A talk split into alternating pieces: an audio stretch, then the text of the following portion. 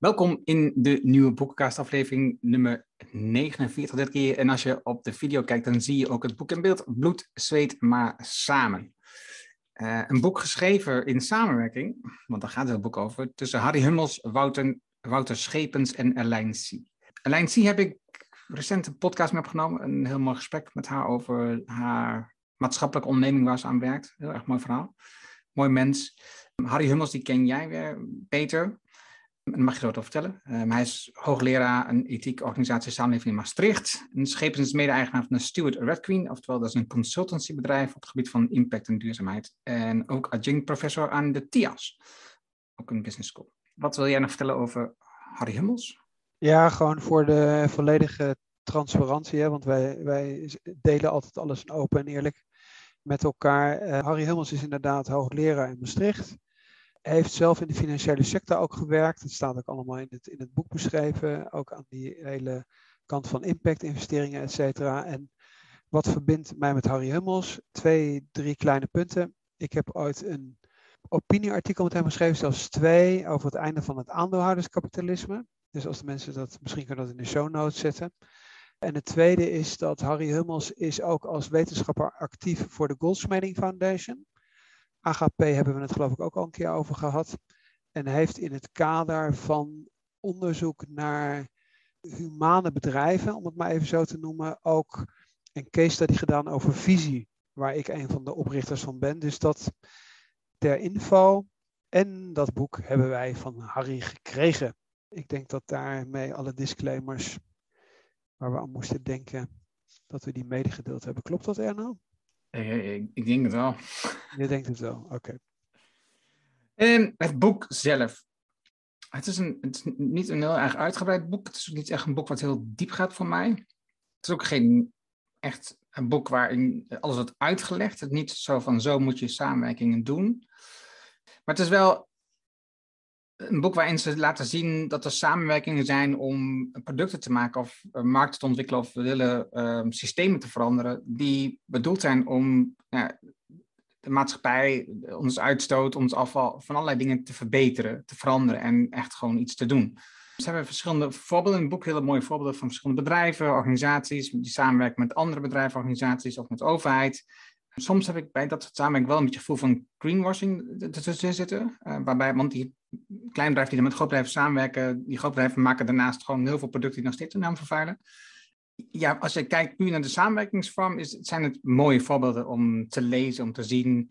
Um, maar die, die, die, die uitleg is vaak niet echt diepgaand. Hè? Dus je, je leert niet echt hoe die samenwerking is tot stand gekomen of iets dergelijks. Het is meer gewoon uitleg wat de resultaten zijn. Het is uh, mooi om te lezen.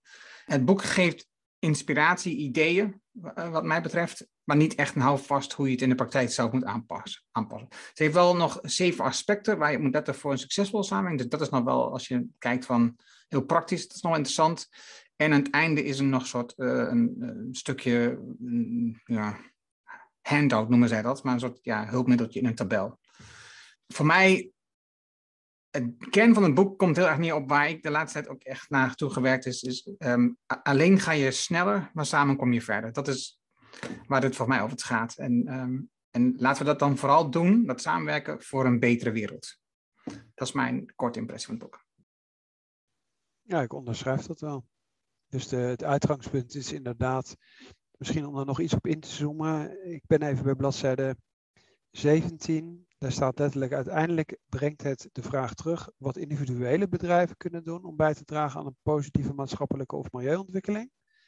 En aan de andere kant heb je dan de innovatieve start-ups en scale-ups. Dus dan zijn we bij het thema, ons publiek, de ondernemer. Als we er even vanuit gaan dat er veel ondernemers naar luisteren, wat kunnen die doen om hun mooie plannen en doelstellingen te bereiken? En daarvoor hebben ze dan partners. In dit boek komen grote bedrijven aan, het, aan, aan, het, aan, aan bod. Uh, welke grote bedrijven ga je contacteren om die impact van, jou, van jouw start-up of skill op uh, te vergroten? Daar gaat het in principe om, dat boek. Ja, want wat wel duidelijk is op meerdere fronten, en, en dat zijpelt volgens mij ook van de verschillende auteurs door, is dat als je een bedrijf hebt, als een start-up die, die iets wil veranderen aan de maatschappij of aan de wereld of uh, ecologie, de ongelijkheid, dan moet je echt opschalen. Dat is wel wat hierin duidelijk is. Als je het een beetje voor jezelf doet of een klein bedrijf houdt, dat is leuk, maar dat helpt de wereld niet vooruit. Dus als je wat wil, dan moet je echt opschalen en dan is dus die samenwerking van belang. Dat is wat hier naar voren komt. In de korte inleiding van het boek Samenwerken voor een betere wereld, eh, dat is hoofdstuk nummer 1, er zijn zeven hoofdstukken, ehm, de verkwansing van onze samenleving en ons planeet. Daar legt ze natuurlijk uit waarom dat zo is. Dan partnerschappen voor maatschappelijke verandering. Daar zijn verschillende soorten samenwerkingen, de enkelvoudige en de meervoudige, dat zijn twee hoofdstukken. Dan heb je een gastbijdrage over de samenwerking om de wereld te voeden. En als laatste conclusies en reflectie. Dat zijn de zeven hoofdstukken. Nou, die inleiding is heel kort. En die gaat over dat stuk wat je net al, ook al zei, van over die samenwerking die gericht op duurzaamheid en maatschappelijkheid. Veel meer heb ik daar niet over te zeggen. Ja, ben ik met je eens. En dan is het stuk over hoofdstuk 2. De verkwansing van onze samenleving en ons planeet. Hier, nou ja, we hebben al meerdere boeken besproken, laatste tijd hierover gaan. Nou, mensen hierover gesproken die, die, die hier wat over zeggen. Duidelijk is, ze hebben de, theorie eigenlijk, maar ook voorbeelden, heel veel boeken in hun um, samenvatting aan het einde. Um, allerlei quotes die je kunt vinden, uh, artikelen. Dus dat is, als je verdieping in wilt, is er heel veel, een heel goed boek daarvoor. Maar wat je wat duidelijk naar voren komt, is als we zo doorgaan met de focus winst en consumeren, dat, ja, dat de ellende niet te overzien is. Dat is wel überhaupt, als je dat nog gemist hebt, dan denk ik dat je iets gemist hebt. maar wat ik, wat ik uh, grappig vond, was het voorbeeld van die John Locke, of Locke, ik weet niet hoe je het moet uitspreken. Waarbij hij iets heeft over, nou, over dus, uh, dat je spullen moet maken, dat je iets doet voor de wereld. Waarbij hij dus twee um, voorbehouden had opgenomen in zijn uitleg daarover. Dat je het alleen mag toe-eigenen wanneer je het ook daadwerkelijk consumeert. Dus hij zegt er mag geen verspilling en er moet voldoende overblijven voor anderen. Dus je mag het niet opmaken. Je moet ook gelijkwaardig producten overhouden voor anderen.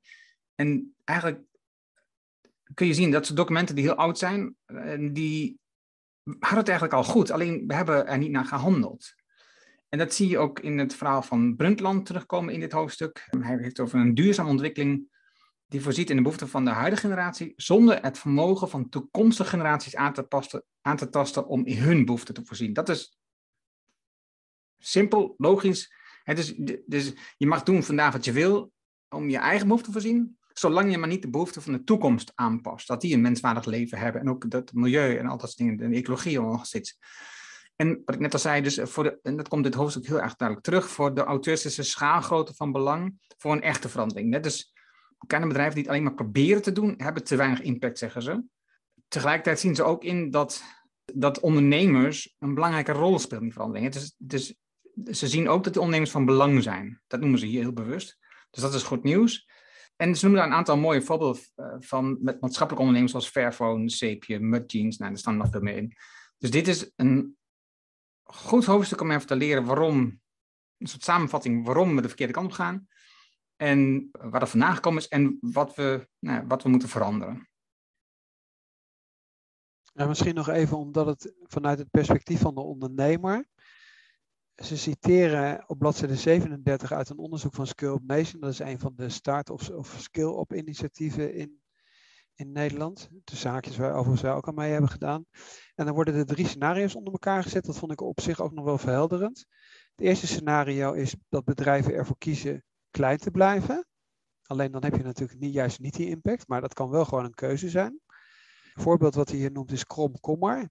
En dan staat er dus een onderneming die er niet in geslaagd is om, dus ik zou maar zeggen, die, die, daarom heet het ook kromkommer, wat we wel kennen, die discussie van, van vruchten en groenten, et cetera, die dan niet precies aan de bepaalde, bepaalde criteria voldoen, dat het eigenlijk allemaal uh, ja, gewoon helemaal niet in de supermarkt belandt, waar de, Fransen overigens een, een wetgeving voor hebben gemaakt. Maar dan zeggen ze van, het heeft wel ervoor toegeleid dat andere, dat andere ondernemers uh, of gewoon het thema op de maatschappelijke agenda belanden. Dus indirect heeft het dan wel een effect. Tweede scenario is laten overnemen. Nou, daar komen een aantal voorbeelden naar de hand terug, zoals bijvoorbeeld vegetarische slager, et cetera. En het derde scenario zijn die, zijn, die, zijn die partnerships. Dus het is eigenlijk vanuit de, vanuit de ondernemer gedacht. En zetten ze even die drie scenario's in dit hoofdstuk onder elkaar. Dan gaan ze op. Het boek is ook zit logisch in elkaar. Wat je net zegt, je sluit zo af. Hè? Dus, dus leg uit die verschillende scenario's voor een ondernemer voor die partnerschappen. En dan krijg je het hoofdstuk het partnerschap voor maatschappelijke verandering. Hè? Dus het, het, zit gewoon echt heel logisch allemaal in elkaar. En ze hebben dus hier uh, uit de bestaande literatuur geput. En ook dat vind ik weer mooi. Niet allerlei nieuwe dingen bedacht. Gewoon gebruik gemaakt van de literatuur die er is. Er zijn vier typen van samenwerkingen. Die komt uit een ander boek. Faciliterend, transactiegericht, integratief en transformerend. En daarnaast hebben ze het over enkelvoudige en de meervoudige samenwerking. En de eerste drie die noemen zijn dus enkelvoudig en de laatste is meervoudige samenwerking. En zometeen hoor je wat het verschil is, want dan hebben we die twee aparte hoofdstukken erover. En in dit hoofdstuk wordt ook nog um, de zeven aspecten genoemd waar je bij stil moet staan voor een succesvolle samenwerking. Waaronder de actoren, motivatie, doel, vorm, middelen, acties en realisatie. En voor, dat vond ik nou ook heel mooi, partnerschappen, zegt hij, vormen de poort naar een samenleving waar people, planet en prosperity, dus prosperity in plaats van profit, vond ik een hele mooie, in balans kunnen bijdragen aan rechtvaardigheid, inclusie en duurzaamheid. Dat is waar dit om gaat. Het gaat over maatschappelijke verandering. En, en wat dan in die verandering in zit, rechtvaardigheid, inclusie en duurzaamheid. Nou, ik, vond, ik vond dat een hele mooi inzicht alleen al. People, planet en prosperity in plaats van profit. Ja, in principe is het het theoretische hoofdstuk. Aan het eind van het boek leggen de schrijvers ook nog even uit dat dit typisch professor eh, Harry Hummels is. Die natuurlijk, uh, zoals een wetenschapper betaamt, een theoretisch kader nodig heeft om naar de hand dan die praktijkvoorbeelden in te zetten. Wat voor de andere auteurs waarschijnlijk wat minder relevant was. Maar dit, is, dit was, ik zou zeggen, het theoretische kader. En dan wordt het daarna ingevuld. Nee, ik, vond het, ik vond het ook wel fijn om een theoretisch kader in dit geval te hebben als, als een basis, dat je snapt dat het ook ergens gebaseerd is. Ik vond het ook wat dat betreft wel fijn, ja. Oké, dan heb je dus de enkelvoudige samenwerking. En um, laat ik nu eerst even het verschil noemen tussen enkelvoudig en uh, meervoudig. Enkelvoudig is gericht op de markt en het product. Dus je wilt een product maken wat de markt verbetert. De samenwerking is geconcentreerd rondom het product. Terwijl meervoudige samenwerking, dan is het juist gericht op de systemische verandering. En dus dan wil je het systeem veranderen. En daarbij geldt dus dat het maatschappelijke aspect bovenop ligt. En dat, dat gaat voor profit. Dus, dus daar zit een enorm verschil tussen die twee. De enkelvoudige samenwerking, daar gaat het over profit. Dan wil je een product maken wat, wat meerwaarde oplevert voor het bedrijf. En bij die meervoudige is het vooral dat het gaat over die systemische verandering en dan is de profit een mooie tweede.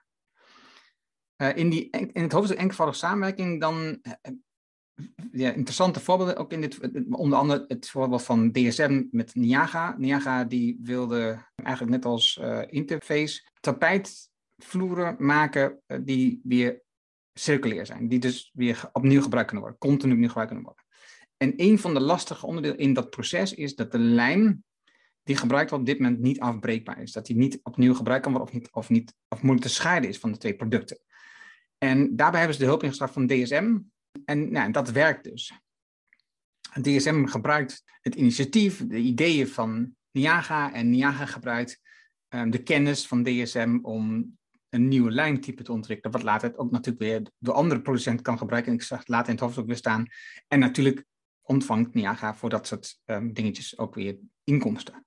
Dat het lastig kan zijn, zo'n enkelvoudige samenwerking, omdat je nou ja, uitgaat dat je in eerste instantie kijkt naar wat het betekent voor de markt, wat betekent dit voor de maatschappij. Um, zie je bij situaties als Ben Polman bij Unilever, die uiteindelijk moest opstappen, en de CEO van Danone, ik de naam van begreep, uh, niet had opgeschreven, die ook moest vertrekken. Omdat uiteindelijk de aandeelhouders de financiële waarde voor het bedrijf, dus wat aandeel opleverde en wat het dividend was, belangrijker vonden dan ja, toch wel de idealistische instellingen van deze twee CEO's. En dus je kan als CEO wel dat willen, maar als je het contact verliest met de aandeelhouders, dan moet je uiteindelijk gewoon opzouten, vertrekken. Ja, en het andere voorbeeld in datzelfde hoofdstuk, waar jij ook uh, wel vaker over spreekt, is uh, Kipstar. Uh, met Lidl dus misschien wil je daar nog. Er stond ook kort geleden een heel groot artikel in de Groene Amsterdammer over. Waar, waar wij natuurlijk ook met z'n tweeën over hadden, omdat het best wel opvallend was. Dat juist de Groene Amsterdammer die samenwerking van Kipster en Lidl oppakte. Omdat de Groene Amsterdammer normaal gesproken ook wel een heel ander gedeelte van het hele spectrum zit. Dus dat vond ik, uh, dat vond ik best wel opvallend. maar ik denk ook dat het wel een heel, een heel interessant voorbeeld is. En misschien dat je daar iets over wilt zeggen. Ja, dat klopt, want kipsen, in principe had kipsen niet gestart kunnen worden als Lidl niet had toegezegd een bepaald aantal eieren af te nemen in vijf jaar uit mijn hoofd. Dus kipster, uh, ze, hebben de kennis van dat ze een kippenbedrijf opzetten op een hele andere manier, die veel organischer is. Ik heb overigens ook een podcastaflevering met Ruud Sanders, die heeft expertise, die komt uit een kippenwereld met ouders en die zag dat dat is niet wat we willen op die manier zoals ingericht was oorspronkelijk.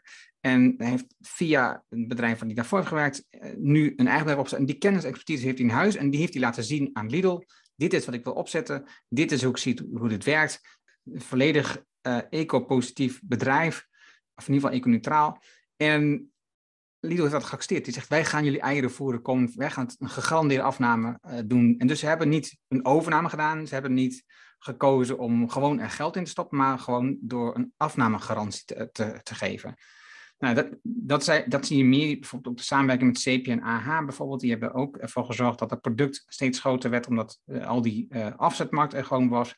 Um, Fairphone met Vodafone. Dus door de afzetmarkt aan te bieden, uh, vergroot je daarmee enorm de impact van wat je aan het doen bent. En wat ik ook nog interessant vind in de hoofdstuk is het onderzoek van McKinsey. Super onderzoek, mooie pagina op dat onderzoek. Maar wat onder andere hier zeggen is dat maatschappelijk ondernemerschap een groot voordeel heeft. Want je ziet dat 80% van de bedrijven met een maatschappelijke uh, uitgangsbasis overleeft de eerste vijf jaar. En dat is een veel hoger percentage. Ik dacht dat het namelijk een vijfde is voor normale bedrijven, start-ups. Maar zeggen ze, het opschalen blijft voor deze bedrijven, die maatschappelijk georiënteerde ondernemers, een uitdaging. En daar zien zij een kans in het rapport. McKinsey dat is een kans om deze bedrijven met structuur en processen te helpen bij het opschalen en professionaliseren van deze bedrijven. En nou ja, dat zie je, uh, McKinsey is logisch dat ze dat noemen, want dat is natuurlijk een beetje de wereld vandaan komt. Maar dat zie je, de succes onder andere ondertussen van Piet van Os met, uh, met zijn Scale Impact bijvoorbeeld. Daar zie je dat dit bedrijf behoefte hebben aan structuur en een bepaalde manier van werken en een professionalisering van hun organisatie, als ze willen opschalen en echt hun impact willen vergroten. Meervoudige samenwerking, begin jij eens. Ja, meervoudige samenwerking, dat is dus uh, wat jij al in de inleiding zei, dat is dan weer een stapje verder. Uh, dus ik zou maar zeggen systeemverandering. Uh, onder andere wordt daar bijvoorbeeld Ashoka besproken. Dat is dan meer, ik zou zeggen, een soort overkoepelende organisatie. Nou, dat zullen de mensen wel kennen. En dan vind ik dat het in het voor de rest in een boek een beetje. Ik vind de voorbeelden niet zo, zo sterk. Het gaat enerzijds eh, over bijvoorbeeld hele andere thema's als die rivieren rechten geven. Dat vind ik niet zo'n goed voorbeeld. En een ander voorbeeld dat elke keer weer terugkomt is uh, dat hele thema met die, met die uh, koffieboon is het geloof ik. Waar in principe, ik ben even de naam kwijt, maar even kijken hoe dat precies heet. Waar meerdere bedrijven uh, met elkaar gaan samenwerken om in principe kennis uit te wisselen. Future Proof Coffee Collective heet dat. Dus er zitten een hele hoop bedrijven in die mensen waarschijnlijk zullen kennen. Pees, Maas, Moyer, Simon Leeveld, Bocca et cetera. Dus wat positief is dat bedrijven die eigenlijk allemaal hetzelfde nastreven, op een niveau daarboven met elkaar gaan samenwerken en gaan kijken, hoe kunnen we nou als we eigenlijk allemaal hetzelfde doel naast, nastreven en het geen winner takes all markt is, hoe zouden we nou met z'n allen eigenlijk die druk kunnen verhogen, bijvoorbeeld om, ik noem maar wat, samen te werken met grote retailketens of data delen, et cetera, et cetera. Bijvoorbeeld True Price wordt bijvoorbeeld ook nog even genoemd. Uh, omdat ze natuurlijk echt willen kijken in die keten. Dat je wel appels met appels vergelijkt en niet appels met peren. Dus dat vind ik op zich wel goed. Wat mij verbaasd heeft, is dat men bijvoorbeeld niet een voorbeeld als Max Havelaar bijvoorbeeld genomen heeft. Dus iets wat al veel langer bestaat. Waar je eigenlijk kunt zeggen van nou, dat is nog wel 30 jaar geleden opgericht. Wat heeft dat label? Want het zijn vaak een soort certificeringslabels. Wat hebben dat soort initiatieven uh, in, uh, aan fases doorlopen.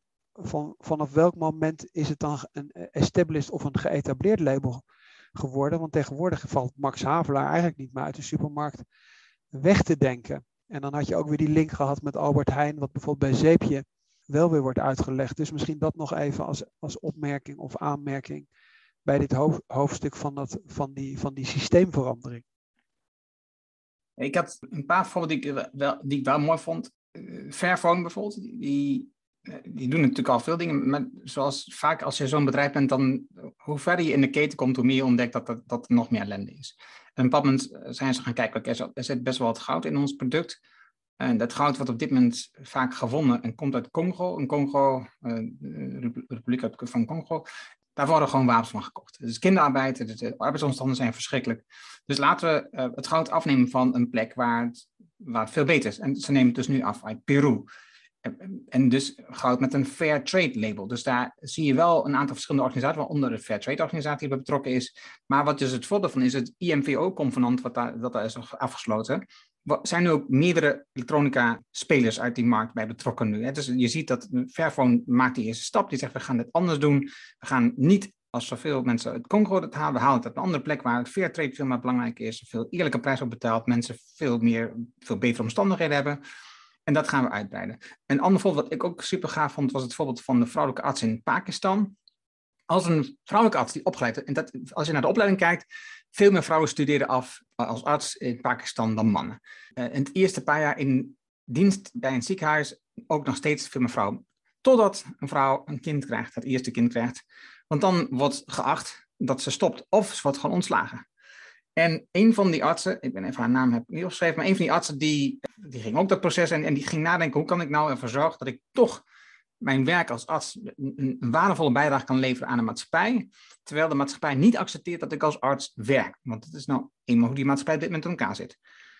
Zij heeft bedacht dat ze um, een online platform kan zetten waar je dus als vrouwelijke arts advies kunt geven aan mensen via het online platform. Dus je kan dat gewoon werk doen vanuit huis. Dus het is niet zo dat je dan schade aanbrengt aan de, aan de maatschappij, omdat mensen vinden dat je niet mag werken.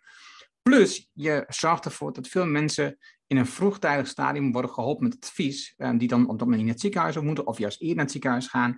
En mensen die onzeker zijn, bijvoorbeeld in heel afgelegen gebieden, dat je die ook helpt om uh, uh, nou, te bepalen, moet ik naar het ziekenhuis, ja of nee. Dus ik vond, en dat, dat initiatief heet Dr. Hers, met H-E-R in de hoofdletters.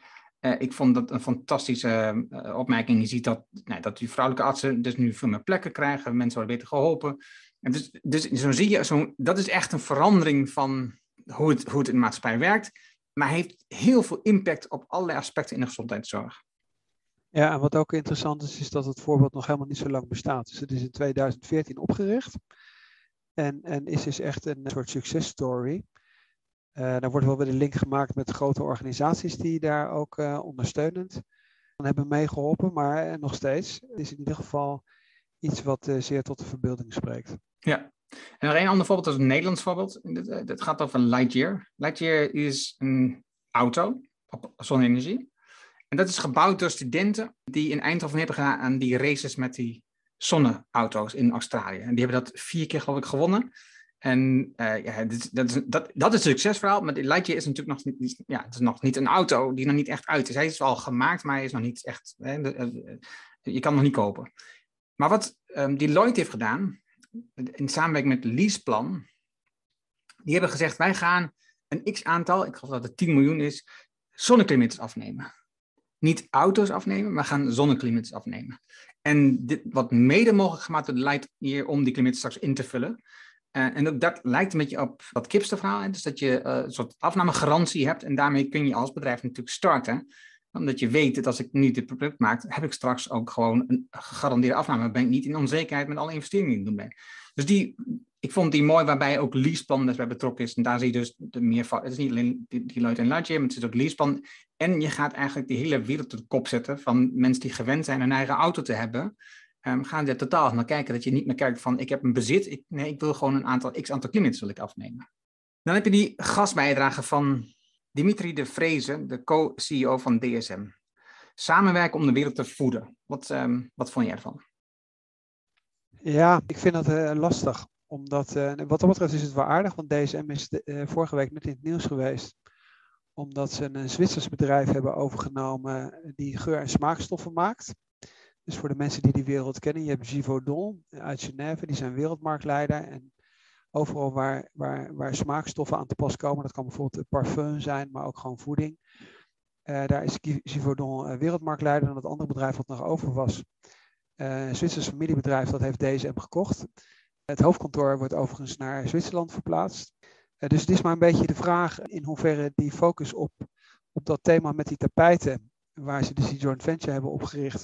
Ik weet niet of dat inmiddels nog, ik heb het niet, ben er niet achteraan gegaan, ik weet niet of dat inmiddels nog, nog onder DSM valt. Nou is dat helemaal geen, hoeft dat helemaal niet slecht te zijn, alleen er staan een aantal van dit soort multinationals in. Dus uh, Danone en misschien dat we even ook moeten inzoomen, vooral op het voorbeeld wat we in Nederland het beste kennen, en dat is de vegetarische slager met Unilever. Uh, omdat we tegelijkertijd ook de ontwikkeling van uh, Paul Polman kennen. Dan is eigenlijk een van de grootste vraagtekens die ik bij dat boek zet, is dat bij die samenwerkingen die gesloten worden tussen grote multinationals en start-up scale-ups, vooral geciteerd wordt uit het begin van die samenwerking, uit, ik zeg dat maar even een beetje provocatief, uit de persverklaring waar die samenwerking aangekondigd wordt. En dan is nog maar de vraag of dat middellange termijn de juiste oplossing is geweest. Want als natuurlijk je door een paar aandeelhouders die helemaal niet op je wereldverbeterende verhaal zitten te wachten, dan in principe op de beurs onderuit wordt gehaald, wat bij Danone gebeurd is, maar ook bij Unilever gebeurd is en ook nog steeds bij Unilever gebeurt, dan waag ik te betwijfelen of de, het opschalen van je impact via Unilever voor de vegetarische slager uiteindelijk de beste optie is geweest. En of je niet veel meer zou moeten kijken of naar de insteek van Kipstar omdat Lidl een familieonderneming is, die het gewoon toch anders in de wedstrijd zitten, zijn we ook weer bij ons hele thema Rijnlands. Of dat je zegt van nou, ik ga toch gewoon op eigen kracht uh, proberen. Dat is het uh, voorbeeld met Zeepje, met AH. Of ik ga gelijk kijken naar gelijkgestemden. En misschien, misschien de krachten bundelen, omdat bijvoorbeeld die vegetarische vleesbedrijven, daarvan zijn er inmiddels zoveel. Waarom zou je niet gewoon samen kunnen kijken hoe je de wereld verandert, zodat je in principe niet die korte termijn logica van de beurs in principe naar de hand weer een route in het eten gooit. Dus dat, is, dat heb ik een beetje gemist in, dit, in dat laatste gedeelte. Misschien wat meer, toch misschien wat meer reflectie of misschien wat oudere voorbeelden. Omdat in het boek ook wel weer gerefereerd wordt aan Bodyshop en L'Oreal. Waar eigenlijk het boek wel tot de conclusie komt dat dat nou niet zo succesvol was. Dus ik weet niet hoe jij dat ziet. Nee, ik, ik, zoals ik aan het begin al zei, ik heb af en toe het gevoel dat het, het tegen een greenwashing aan zit. De voorbeelden die ze noemen ook zeker. En dit verhaal, uh, dat je, de co van DSM, ik denk dat, uh, noemt dat de, overname van zo'n bedrijf, wat marktleider is, dus de, de, de macht, de marktmacht bij zo'n partij, die, die neemt alleen maar verder toe. En ja, het dan, heeft het, Dimitri, die het dan hier over het focus op het voedselsysteem, het voedselsysteem omdat aan de ene kant is er ondervoeding op de wereld, aan de andere kant is er uh, overgewicht uh, als een probleem. En daar willen ze een, bijdrage in leveren om dat, om dat te veranderen. Nou ja, die bijdrage is niet zo ingewikkeld. Laat betaalde mensen aan de onderkant van de, dus aan, aan het zuidelijke halfrond meer geld uh, voor, de, voor het werk wat ze doen, voor de producten die ze leveren, voor de grondstoffen die, die we uit die wereld halen. En zorg ervoor dat we hier die verrotte reclame voor die verrotte producten gewoon stoppen, dan wordt het een stuk makkelijker. Dan hoef je niet nieuwe producten voor te ontwikkelen. Hoor. Daar hoef je niet iets technologisch voor te bedenken. En dat is wel wat ze doen. Zij voegen dingen toe in plaats van dingen weghalen. Want uiteindelijk moeten ze geld verdienen. Dus dat, dat was het gevoel wat ik een beetje had om, eh, zeker bij deze gastbijdrage, maar ook zeker bij die andere samenwerking met dat soort ja, enorme bedrijven. Ja, de vraag is uiteindelijk juist bijvoorbeeld als je zegt van naar de toekomst wil je eigenlijk ondernemers uh, varianten laten zien, dan zou bijvoorbeeld zo'n case als L'Oreal met de Bodyshop is nou juist een case waar je heel veel van kunt leren, omdat het een van de eerste hele grote overnames was. Uh, en daar zou je eens in kunnen duiken. Bijvoorbeeld de Ben Jerry wordt bijvoorbeeld uh, positief aan gerefereerd. Alleen achteraf is de vraag van ja, zou zijn Ben Jerry's niet ook zelf sterk genoeg zijn geweest op lange termijn? Veel consequenter, zonder allerlei discussies en allerlei gevaren, dat in principe er een streep doorheen wordt getrokken. Gewoon zelf in staat kunnen zijn, zeker als je lange termijn gericht bent, daar gewoon een heel mooi bedrijf van te bouwen. En wat dat betreft vind ik Lidl weer een aardig voorbeeld, omdat Lidl is een immens groot bedrijf. Wordt ook geciteerd dat het ook de derde retailer van de wereld is.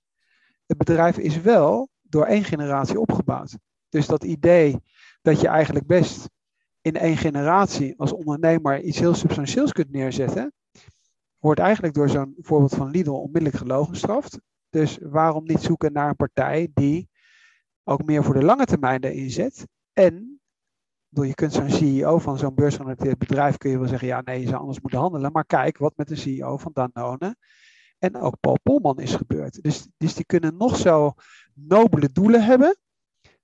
Als jij op de beurs door je aandeelhouders afgerekend wordt op je dividend en niet op je impact voor de wereld, ja, dan is dat gewoon een enorm spagaat. Waar je als, als CEO met hoge waarschijnlijkheid het niet overleeft. Want Paul Polman en de CEO van Danone, dat waren waarschijnlijk meer dan gemiddeld begaafde CEO's met een groot charisma.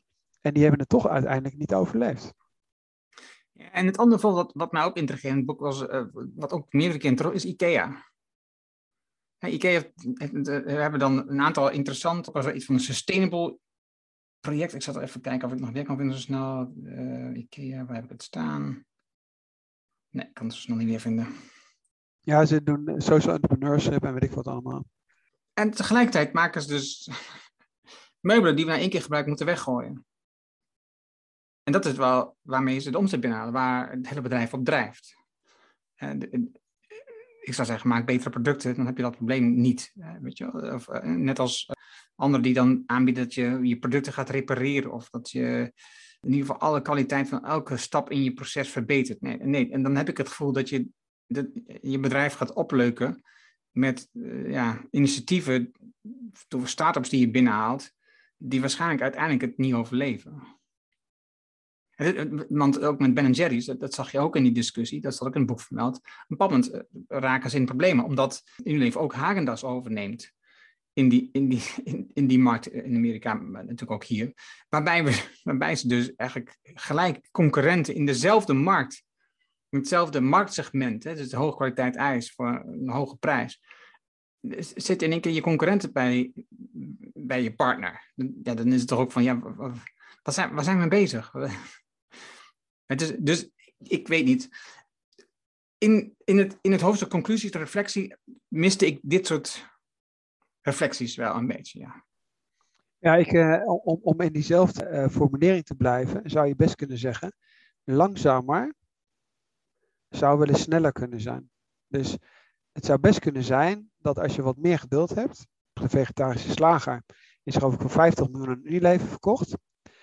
Het zou best kunnen zijn dat omdat, omdat ze toch heel erg op die maatschappelijke verandering eigenlijk heel goed voor de troepen uitliep, ze voelden dat goed aan, vraag ik me inderdaad af op, op middellange termijn of ze niet als zelfstandige, als zelfstandig bedrijf, misschien uiteindelijk op zo'n tijdspanne van 25 jaar, niet over 25 jaar gewoon een fantastisch zelfstandig bedrijf hadden kunnen zijn.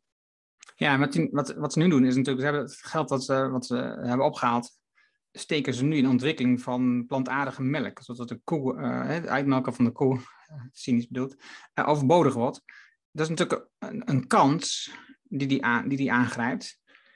Maar ja, voor hetzelfde. Eh, en dan kun je natuurlijk zeggen: ben ik dan de juiste ondernemer als ik, als ik, niet, als ik niet wil verder uitbouwen? Want, want hij wilde dan wereldmarktleider worden op dat product. Hij wil dat het product overal weer beschikbaar is. En dat, nou, dat hoopt hij dan te, dat hoopt hij te bereiken met Unilever.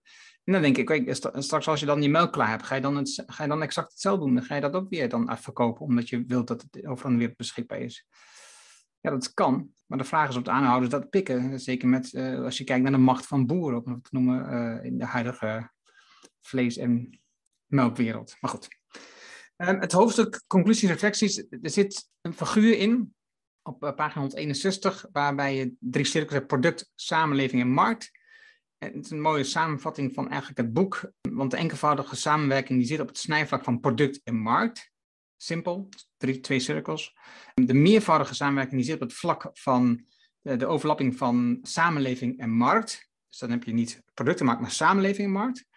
En als je een bedrijf hebt die het systeem wil veranderen, maar dat dan zakelijk wil organiseren, die zitten echt in het hart van de figuur. Een beetje, eh, je kent wel de drie overlappende cirkels. En midden, daar zitten dus bedrijven die het systeem willen veranderen, maar op een zakelijke manier willen organiseren. Dus die dus ook zien dat dat goed georganiseerd moet worden. En dan hebben ze nog een eenvoudige handout, zoals ik in het begin al zei, op pagina 175, een tabel. Het is een kort blik, zeg maar, waarbij je heel snel kunt zien, oh ja, waar moet ik op letten? Als ik ga werken, de camera heb je het nu in beeld. dus waar ga je aan werken als je gaat denken aan samenwerking, partnerships? Dat is het. Ja, dat is in principe om die boog te maken naar wat we net bespraken in dat overzicht wat je net liet zien op bladzijde 175. Wat ik daar dus miste is, als je Porter zou nemen in de threats of de toekomstige gevaren, dan denk ik heel eerlijk gezegd dat het allergrootste probleem is, om even weer bij Polman en de CEO van Danone te komen, dat je het contract afsluit in een fase met iemand die daar op dezelfde manier in zit. Alleen dat diegene er gewoon over een aantal jaren niet meer is. En dan, dan weer de situatie is dat die aandeelhouders zeggen van ja, maar beste DSM, beste Unilever, beste weet ik veel wat. Wij zien dat anders, beste Philips. En dan denk ik dat je je de vraag moet stellen. Het kan bijvoorbeeld best zijn, biotechnologie, ja, dat valt gewoon zelf niet te financieren, omdat het gewoon zo kapitaalintensief is. Alleen soms zitten er voorbeelden bij van bedrijven, bijvoorbeeld zoals Seepje, die doen dat heel fatsoenlijk. Ik geloof dat ze dan nu 5 miljoen omzet en zo maken. Maar je best kunt zeggen, nou, als je nou gewoon rustig zo doorgaat, jullie worden steeds bekender, dan ga gewoon lekker rustig zo verder. Dus hè, daarom zeg ik, langzamer zou wel eens sneller kunnen zijn. Ja, ik, ik denk dan ook terug aan het boek van Roman. Hè, dat je denkt aan de volgende generaties. Niet zozeer het aspect de generaties wat je de, de, volgende generaties aandoet, maar dat je ook kunt denken in de volgende generaties voor je bedrijf. Hè. Dat je denkt van oké, als ik het in mijn generatie niet zou redden om het groot te, eh, zo groot te maken als ik het voor ogen heb, kan ik wel iets neerzetten wat de volgende generatie verder kan brengen. Ik denk dat dat ook is wat je zegt, die geduld. Uh, dat je, hoeft niet per se, het hoeft niet per se te gebeuren op het moment dat jij aan de leiding bent. Je kan ook ervoor zorgen dat je het zo inricht dat de volgende stap komt van de volgende persoon, of de, of de volgende persoon die in de leiding is, om die, om die stap te maken naar wereld, boven de wereld beschikbaar zijn. En ik denk dat dat iets is wat op dit moment ingewikkeld is voor mensen. Dat geduld opbrengen, dat je voorbij je eigen leven denkt, voorbij je eigen invloed denkt. We vinden dat we al die impact moeten maken op dit moment in ons leven en dat is maar heel kort. En dat is natuurlijk gewoon onzin. Dat is, dat is maar een beeld. Het is niet de waarheid, het is maar één van de inzichten hierin. Ja, het interessante is dat jij in principe die Roman Krishna is, ik weet niet of, je hem goed, of ik hem goed uitspreek, is de over de goede voorouder, het boek wat we, wat we behandeld hebben. Hij wordt op 100, bladzijde 176 ook geciteerd. Hè? Dus wat dat betreft vind ik dat wel een mooie afsluiting van jou. Dat je zegt van ja, denk nou juist rustig eens een generatie verder. Niet alleen naar je eigen generatie. Oké, dan vind ik dat een mooie afsluiting. Ik zou zeggen, als je nou, wat wilt verdiepen in samenwerkingsvormen en je overweegt om jouw product verder te brengen, om je impact te vergroten, ik ben op zoek naar partners en er zit een interessant boek um, met de kanttekening die wij net maakten. Denk ik dat het een goede is. Kijk naar partners die um, langer met je meedenken. En het leuke is dat, dat er dus een variatie in zit van, van inkijk van drie verschillende auteurs die op hele verschillende vlakken um, werken en ervaring hebben. Dus leuke voorbeelden. Ja, ik vind het wel een boek wat, je, wat waard is als, je, als jij wilt dat je impact opschaalt of je nou doet in deze generatie of de volgende generatie, dan denk ik dat het interessant is om na te denken over partnerships. Überhaupt denk ik, uh, partnerships is een super, super interessant onderwerp. En dus ik heb wel wat stukken eruit gehaald die ik ga doorzien aan klanten van mij, uh, waar ze over moeten nadenken als ze, als ze toch echt willen opschalen uh, en daar iets aan willen veranderen op dit moment. Daar heb ik helemaal niks aan toe voegen. Dan dank ik je wel voor het luisteren. Ik vond het fijn dat je dit keer weer bij was. Of zelfs als je naar de video kijkt, voor het kijken naar de video. En um, graag tot de volgende keer. Dankjewel, Tom. Dankjewel, Erno.